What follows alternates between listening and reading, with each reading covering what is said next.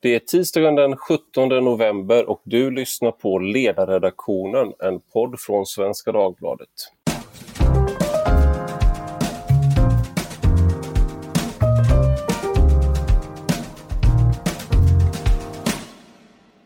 Jag heter Ivar Arpi och idag ska vi prata om Corona igen. Det är dags att prata om det nästan varje dag nu kan man säga. För nu har regeringen gått ut med nya rekommendationer. Max åtta personer får träffas vid allmänna sammankomster, sa man igår. Och vad exakt det här innebär blev det genast diskussion om. Eh, för det här gäller då allmänna sammankomster, så det är alla sammankomster där det behövs polistillstånd. Men man kan fortfarande gå på IKEA, man kan fortfarande gå på köpcenter och liknande. Eh, så det har genast blivit diskussioner kring det här. Eh, och med mig för att prata om vad alla de här nya rekommendationerna betyder, om de kom i tid eller inte, har jag mina två kollegor Tove Livendal och Olof Ernkrona. Välkomna båda två. Tack så mycket. Tackar, tackar. Och jag tänker, du Olof, du är precis som jag blir alltid upprörd över saker och ting som, eh, eh, man, när man inte får tydliga besked. Så jag tänkte, vad, vad, tycker du, vad säger du om de här nya eh, restriktionerna och rekommendationerna? Är man den här gången tydliga med vad som gäller, tycker du? Nej, det var man ju uppenbarligen inte eftersom eh, det första som hände igår var ju att Eh, statsministern och Tegnell lät som om de menade olika saker. Eh, och sen var det ju igång. Eh, ifrågasättandena ja, och tveksamheterna. Idag fick vi väl ytterligare besked. Vi kan ju komma in på det senare. Ja, och jag tänkte en sak som genast eh, hände var ju att Filmstaden meddelade att de stänger alla sina biografer eh, i Sverige. Men sen verkade det som att det inte att det kanske hade varit överilat för att det fortfarande var så att det som gällde var eh, att man får ha, vara 50 personer på sittplatser. Det var, fort, gällde fortfarande. Eh, och no, men sen under dagens presskonferens så sa man att återigen då att nej, det är åtta personer som gäller. Så det är, det är lite oklart. Eh, och det verkar fortfarande som att det, de, trots att de säger att de ska vara väldigt tydliga, trots att folk säger att folk blir väldigt upprörda när man säger att det inte är tydligt, eh, så verkar det ändå inte vara särskilt tydligt. Jag tänker Tove, är du helt, är du helt klar över vad som gäller och inte gäller? Nej, jag, jag, tycker, jag tror jag bestämde mig rätt tidigt för egen del att man får liksom ta det personliga ansvaret och så får man använda sitt sunda förnuft. Och, eh, vi har ju dessutom, vi arbetar ju i en koncern som genomgående har tagit eh, mycket högre höjd och större, vidtagit mycket större säkerhetsmått än vad myndigheterna och regeringen har rekommenderat. Och jag tyck tyckte att det var klokt. Och det har ju utgått ifrån ett egenintresse, det vill säga hur ser vi till att våra verksamheter kan fortsätta? Och då har man liksom gjort en annan riskbedömning genomgående tycker jag än vad som har varit fallet. Så att nu, nu blir det, det, det kommer liksom nya hela tiden och det är klart att man, om man bara återigen går till sig själv så kan man ju se hur man själv har förhållit sig till, till de olika lägena. Jag tror att det som blev tydligt igår, det är ju någon slags, äntligen så är regeringen där andra har varit ett tag, nämligen har sett att kurvorna har gått upp och vad gör vi nu åt det? Så det är ju lite grann det att eh, det som väl har varit genomgående, det är att vi har fått vänta in att regeringen och myndigheterna ska komma ikapp det som ändå har gått att utläsa eh, av, av eh, ja, det som har rapporterats från andra håll. Jag tänker, Olof, tycker du att vi, eh, att för att någonting som regeringen fick kritik för i våras var eh, både Folkhälsomyndigheten och regeringen att man agerade alldeles för sent och man, var, man gjorde inte tillräckligt när man väl agerade och att det dröjde.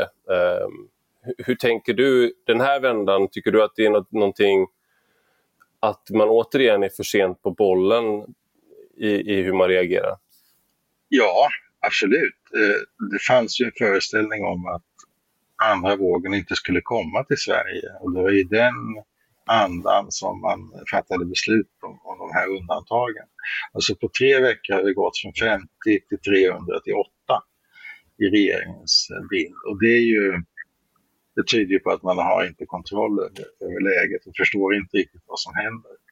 Men det finns en annan aspekt också som jag tycker är viktigt. Att de här åtta nu, det är ju det som där det krävs polistillstånd och där det i så fall också finns sanktionsmöjligheter om man bryter mot de bestämmelserna. Men eh, det finns ju väldigt många andra situationer där man inte kunna, kommer att kunna hålla de här åtta på kollektivtrafiken eller i varuhusen eller på köpcentra. Och eh, då är frågan, vad gör man då? Alltså jag tycker det logiska hade ju varit att regeringen hade sagt att när ni rör er i sådana miljöer där de här åtta inte gäller, använd då munskydd. Dels för mm. egen skull och dels av hänsyn till andra. För även om ni inte har symptom så finns det ett par dagar innan sjukdomen visar symptom då ni ändå är smittbärare och smittspridare. Och då är det liksom viktigt tycker jag från allmänna utgångspunkter att man gör klart för oss vanliga människor att vi kan faktiskt göra någonting även vid sidan av de här restriktionerna på åtta. Eh, och det har man helt missat tycker jag. Och det är naturligtvis därför att det finns en rigiditet i Folkhälsomyndigheten som är väldigt skadlig för pandemibekämpningen och bekämpningen av smittspridningen.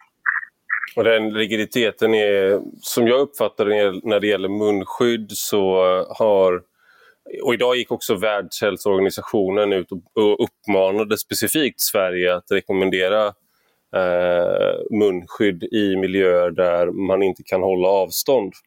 Men någonting som man hela tiden, det är två saker som Folkhälsomyndigheten hela tiden återkommer till i argumentationen här. Och det är å ena sidan att om man inför munskydd eh, som ett krav eh, så slappnar människor av vad gäller trängsel och då tror de att de är, att de är, att de är säkra i trängsel.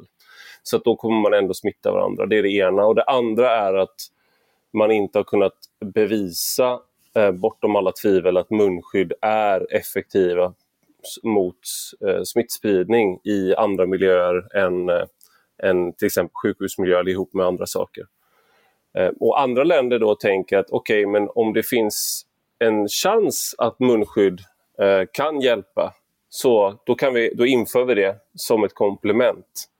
Eh, och Folkhälsomyndigheten tänker precis tvärtom. Och det där tycker jag är lite... Eh, jag undrar lite över hur de, hur de tänker där. Ehm, har, du fått, har någon av er fått någon bättre kläm på det än sådär?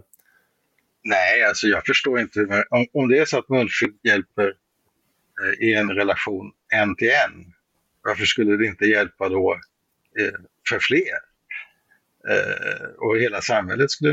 Om varje smittväg som bryts är ju en framgång för pandemibekämpningen och innebär ju en minskad risk mm. för sjukdom, lidande, långvariga men och det ultimata utgången, nämligen död. Så att jag förstår inte, jag, jag, kan inte få i mitt huvud hur de, hur de tänker. Och, och jag har ju anförvanter i Finland och där fungerar det som ett urverk. Folk har mycket munskydd. När barnen blir sjuka så åker, ska de vara hemma, de testas omgående. Är de smittfria så får de vara kvar eh, hemma några dagar så att, eh, ja, så att det inte bryter ut någon, någon covid i efterhand. Så att säga. Och, och skulle de få covid så, det, så in, infaller de vanliga karantänsbestämmelserna. Det fungerar som ett urverk i Finland. Här håller vi bara på och ja, ältar en fullständig självklarhet, nämligen att droppsmitta och aerosolsmitta sprids sämre om man har munskydd än om man inte har. Men jag undrar om det inte är, för jag tittar på liksom de argument som framförs, för jag har också haft svårt att förstå, vi har ju också ganska tidigt talat om att ja, det tycks i alla fall inte finnas några studier som visar på att det är skadligt. Så om vi, då finns några studier som visar att det kanske kan hjälpa eller mildra eller hindra någonting så är väl det bättre.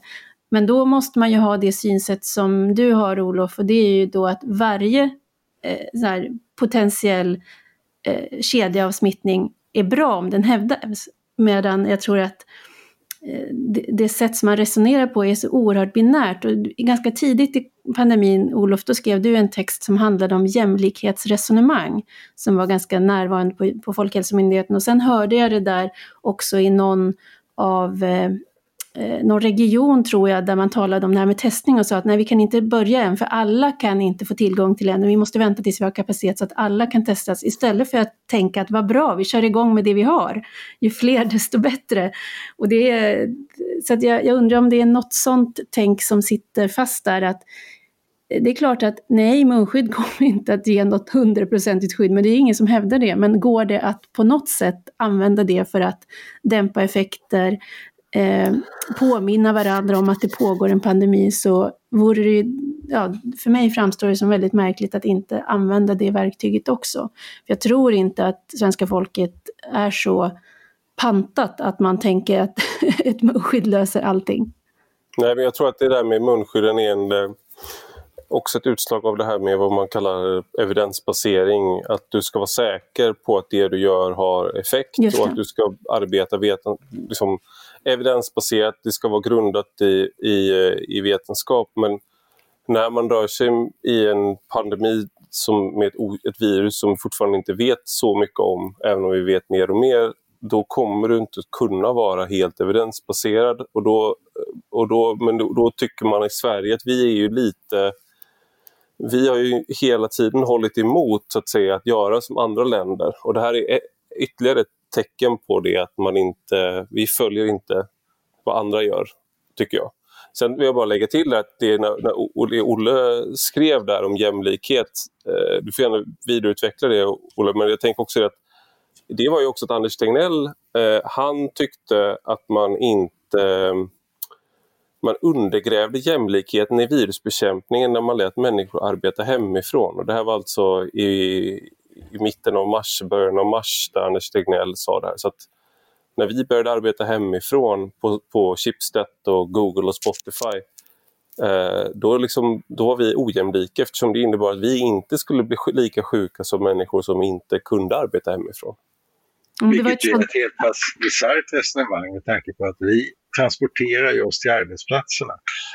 Och de som kör buss och, och, och eller jobbar i tunnelbanespärrar och sånt, de utsätts ju för den smitta som kommer från alla resenärer. Så det är i högsta grad betydelsefullt också från, från eh, den aspekten att vi, att de, som, de som kan inte riskerar andra människors hälsa.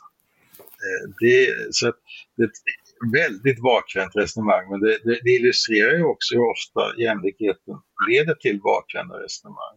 Det var ju också så att argumentet framfördes mot de skolor som eh, ville stänga ett par dagar för att överväga situationen och eh, bestämma sig för hur man skulle hantera de, som kom hem från sport, de barn som kom hem från sportloven i Alperna. Eh, och det var väl också, tycker jag, utomordentligt rimligt i förhållande till barn som inte hade haft möjlighet att vara på sportlov i Alperna, att skydda dem mot, mot en smitta mm. som de andra barnen har. Så jag tycker det, det, är ett jätteknepigt resonemang och, och, och, och jag tyckte, det, det har, tyvärr har det legat som en våt hand över hela pandemibekämpningen, den här typen av, av krokiga tankegångar.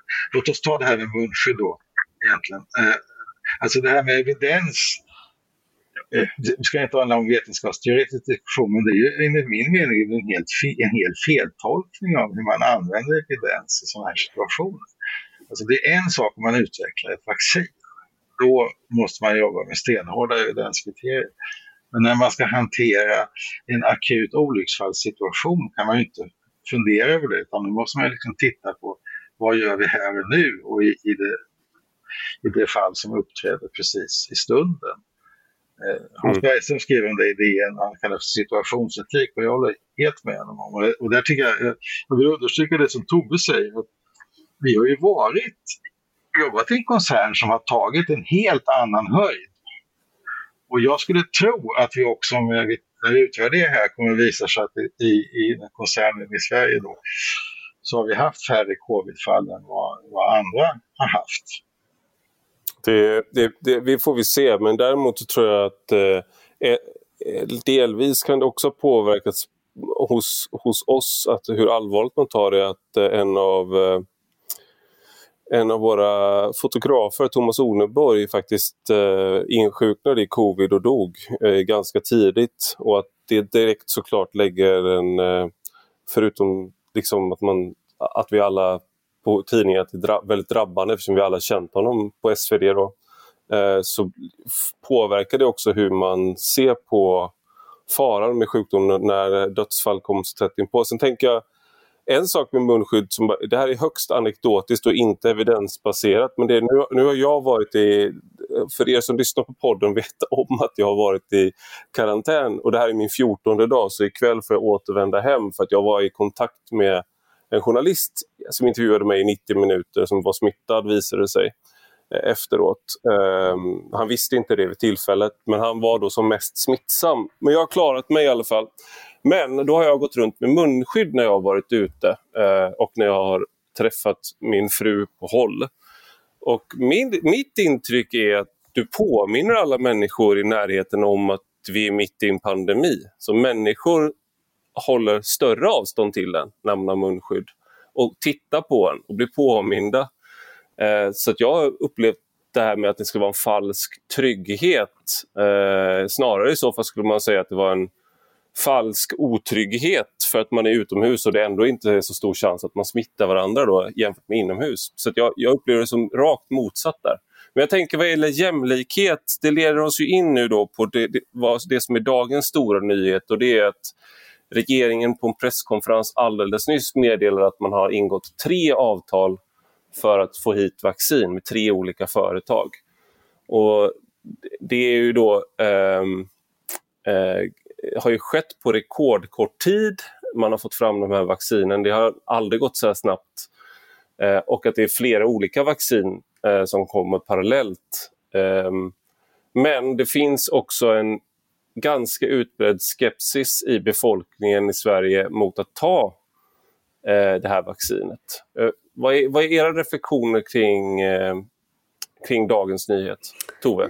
Ja, alltså dels är det väl, det, jag tänker att det är regeringen som vill eh, ta cred för någonting som är EU-sanktionerat. EU har ju en gemensam strategi för hur man ska göra med vaccin och man har bestämt att alla medlemsländer ska ha liksom access till det här på, på likartat sätt. Så att det här är väl egentligen, det de borde göra är att berätta att det här innebär för Sveriges del, men det blir lite så tror jag för omotståndligt att ta på sig äran, att komma med några goda nyheter mitt i allt detta. Eh, mm. så, men, men visst, det är, det är fantastiskt. Jag tror man kan eh, vi, vi, man kan på så många olika plan vara glad för att vi lever faktiskt just nu i den här tiden därför att vetenskapen har lagt liksom manken till på ett sätt som är enastående. Så att nu är det bara att hoppas att de här testerna faller ut väl så att det kan börja komma iväg. Och där blir det ju också, vi kommer att få jämlikhetsdiskussionen när det här ska igång också. Eh, och eh, jag tänker att det, det blir jätteviktigt. Vi har, eh, vi har ju haft återkommande besök i podden av, av Tove Fall och bland annat som har understrukit, och även Annika Linde, hur viktigt det är att så många som möjligt tar det här.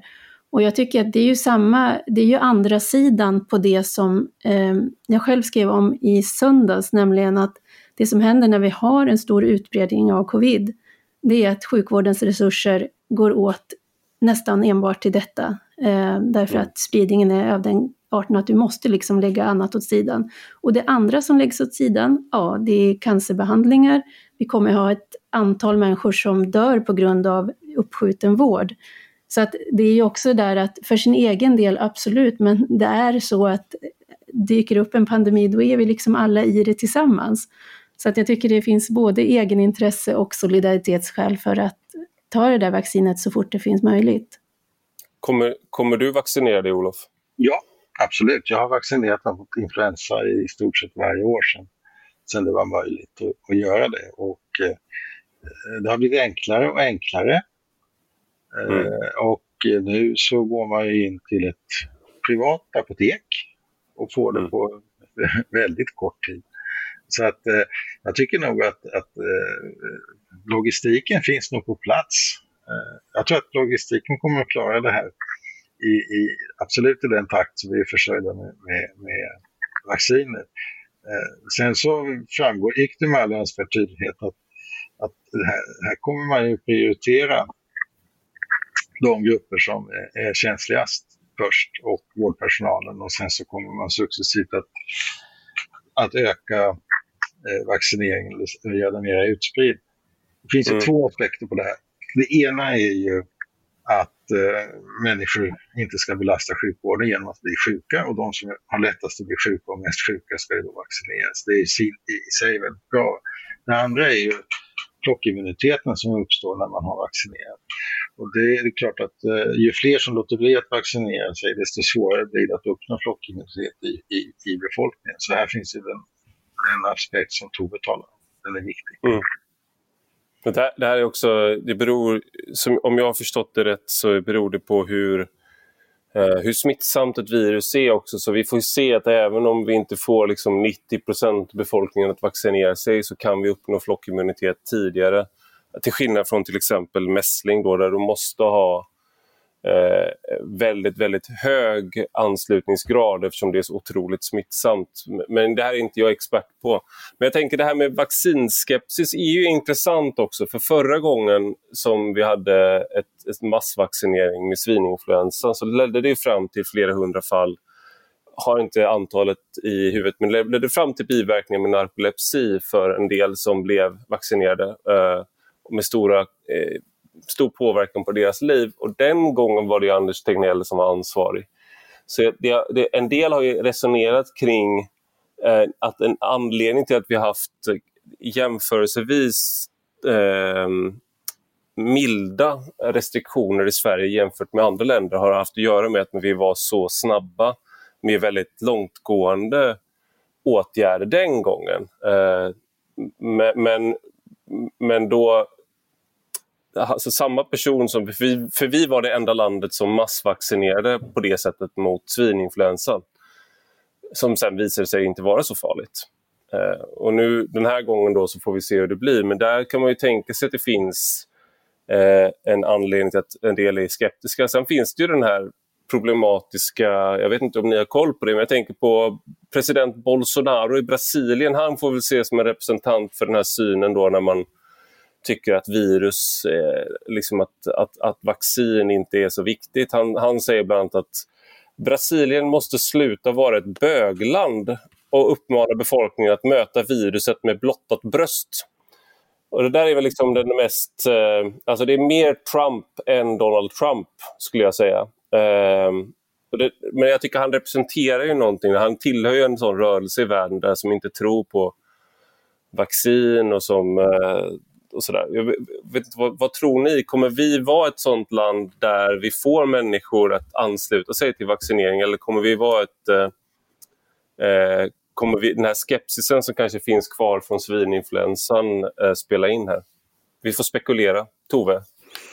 Ja, jag skrev ju ganska mycket om eh, ett par av de här personerna som drabbades av narkolepsi, vilket ju är en fruktansvärd sjukdom och eh, det är klart att det, det, är inte enkelt därför att med alla typer av mediciner och vacciner så finns det liksom risk för biverkningar och det är därför de här testerna måste vara så grundliga så att man verkligen försöker eh, minimera den risken. Eh, sen är det ju så att vi, stå, vi, vi, vi, har ju att väga risker mot varandra. Det är en jättestor risk att, eh, att eh, coviden får fortsätta också.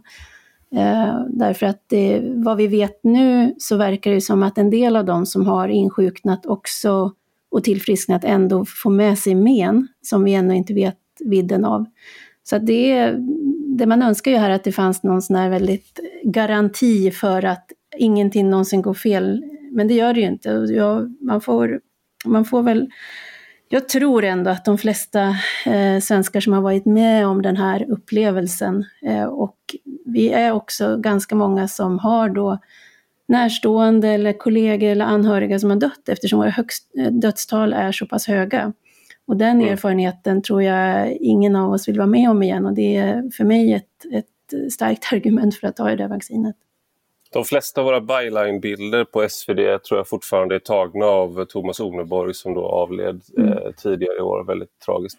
Eh, jag tänker också att det var en av de sakerna som, man, som de tog upp just det här på presskonferensen idag var har man skyndat på de här vaccinen? Och då så sa man att nej, det har man inte, men jag undrar hur de vet det.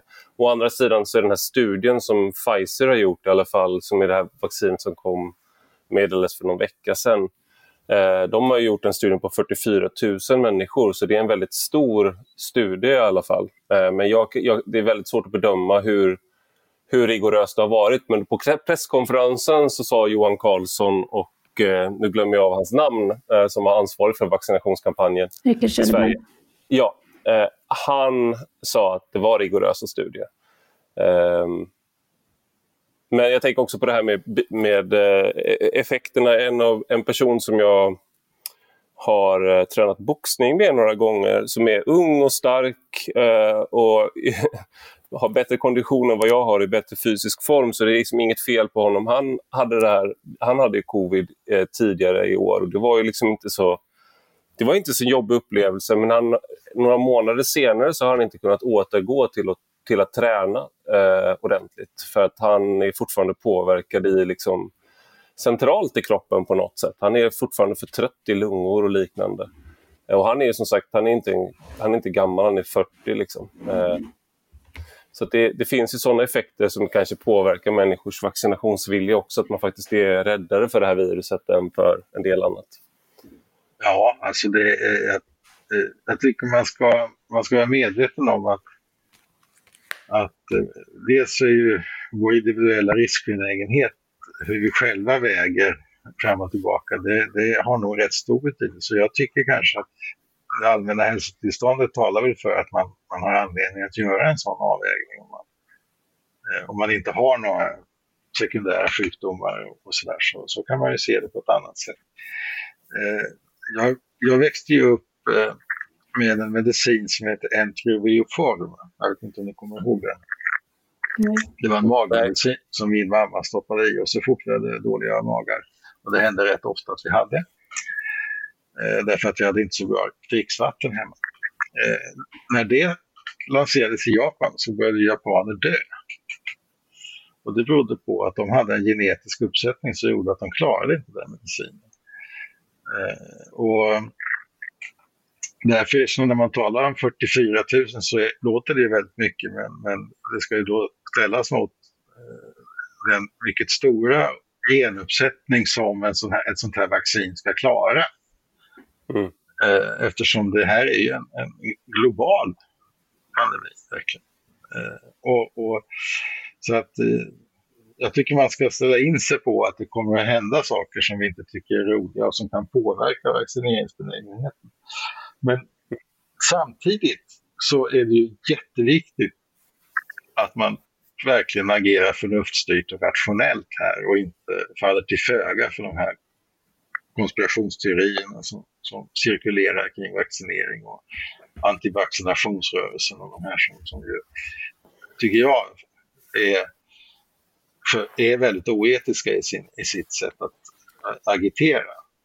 Eh, och sen, sen för oss som har då, eh, relationer till människor som eh, eh som eh, min mamma och min mormor som fick, eh, var de sista som fick eh, polio i Sverige eh, precis, precis innan vaccinet kom. Så min, min mormor blev förlamad i armarna och min mamma lider i sviterna idag av att hennes ben var förlamat en kort period och det har, lider man av långt, långt senare i livet. Det är väldigt svårt att vara vaccinationsskeptiker då, så att säga, eller tänka att det där är bara någonting att ta då med blottat bröst som Bolsonaro säger. Eh, att, att det är så man ska tänka kring de här, kring de här grejerna. Ja, i, i, i, I min värld så är det helt okej okay om Sverige är ett bögland i det här avseendet och, och vaccinerar sig mot vår största pandemin som har drabbat världen på eh, ja, men det är också, det är också en total missuppfattning. Liksom. Det, det, det, handlar inte om att vara rädd när man tar vaccinet, det handlar om att agera förnuftigt och rationellt utifrån den bedömning man gör av sin egen hälsa och vad man vill eh, slippa råka ut för. Mm. Och Så för att, andras skull. För, och för andras skull, som det här med flockimmuniteten. Absolut. Så att, eh, men det är ett personligt val man gör med vaccineringen och det tycker jag är viktigt att framhålla. Att eh, till skillnad från eh, andra åtgärder av tvångskaraktär som smittskyddslagen medger så är ju vaccineringen är ju alltid ett eget individuellt personligt val. Eh, och, och, det gör man ju med utgångspunkt från sin livssituation, både anhöriga och sig själv. Och så det tycker jag, jag tycker det är fullständigt självklart att använda, använda mig av vaccinering när det nu finns. Jag tänker Tove, bara, vi, har ju, vi lever i en väldigt pessimistisk tid jämfört med om man kollar på människors attityder och sånt där. Men är det inte samtidigt en... Eh, och det här är 2020 eh, är väl inte det roligaste året eh, som man kan komma ihåg med tanke på pandemin och allting. Men är det inte samtidigt liksom, just läge att vara optimist när man tänker på att tre vaccin har tagits fram på mindre än ett år. Och vi sitter och spelar in den här podden på distans till varandra och till eh, liksom, och, och, vi lyckas göra så mycket. Alltså är vi inte egentligen är inte glaset halvfullt på något sätt här också?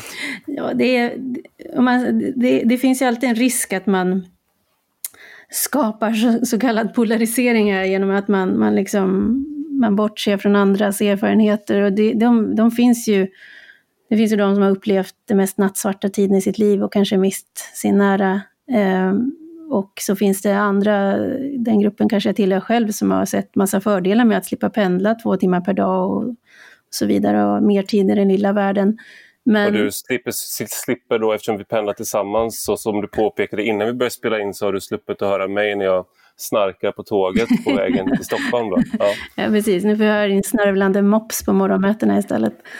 Ehm, men ehm, Eh, Eh, men sen är det ju så att absolut, alltså världen har ju, vi, vi, har varit med, vi är med om en jättepåfrestning, men det har också drivit fram enorm utveckling på vissa områden.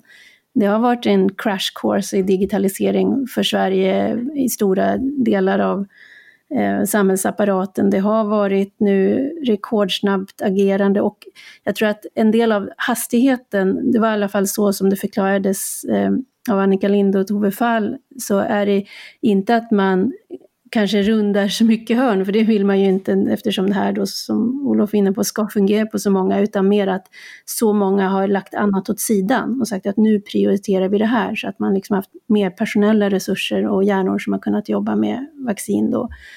Eh, men också att förstå corona och ta fram forskningsrapporter på vad, hur man kan tolka och de, det vi ser och förstå mer om sjukdomen. Så det har ju absolut, jag tycker att mänskligheten visar ju också upp Eh, en enorm sida som är plus då, inte bara det här med hjärnexcellens utan också solidaritet. Att i kriser så visar det att människor är människor. Man tar hand om varandra och man handlar åt varandra och man visar hänsyn på rätt många sätt. Och sen finns det några som inte gör det utan som blir aningslösa och egoistiska. Men det det, det, är också, den delen finns också i mänskligheten, men, men överlag så finns det ju jättemycket positiva saker som har skett eh, i den här krisen också.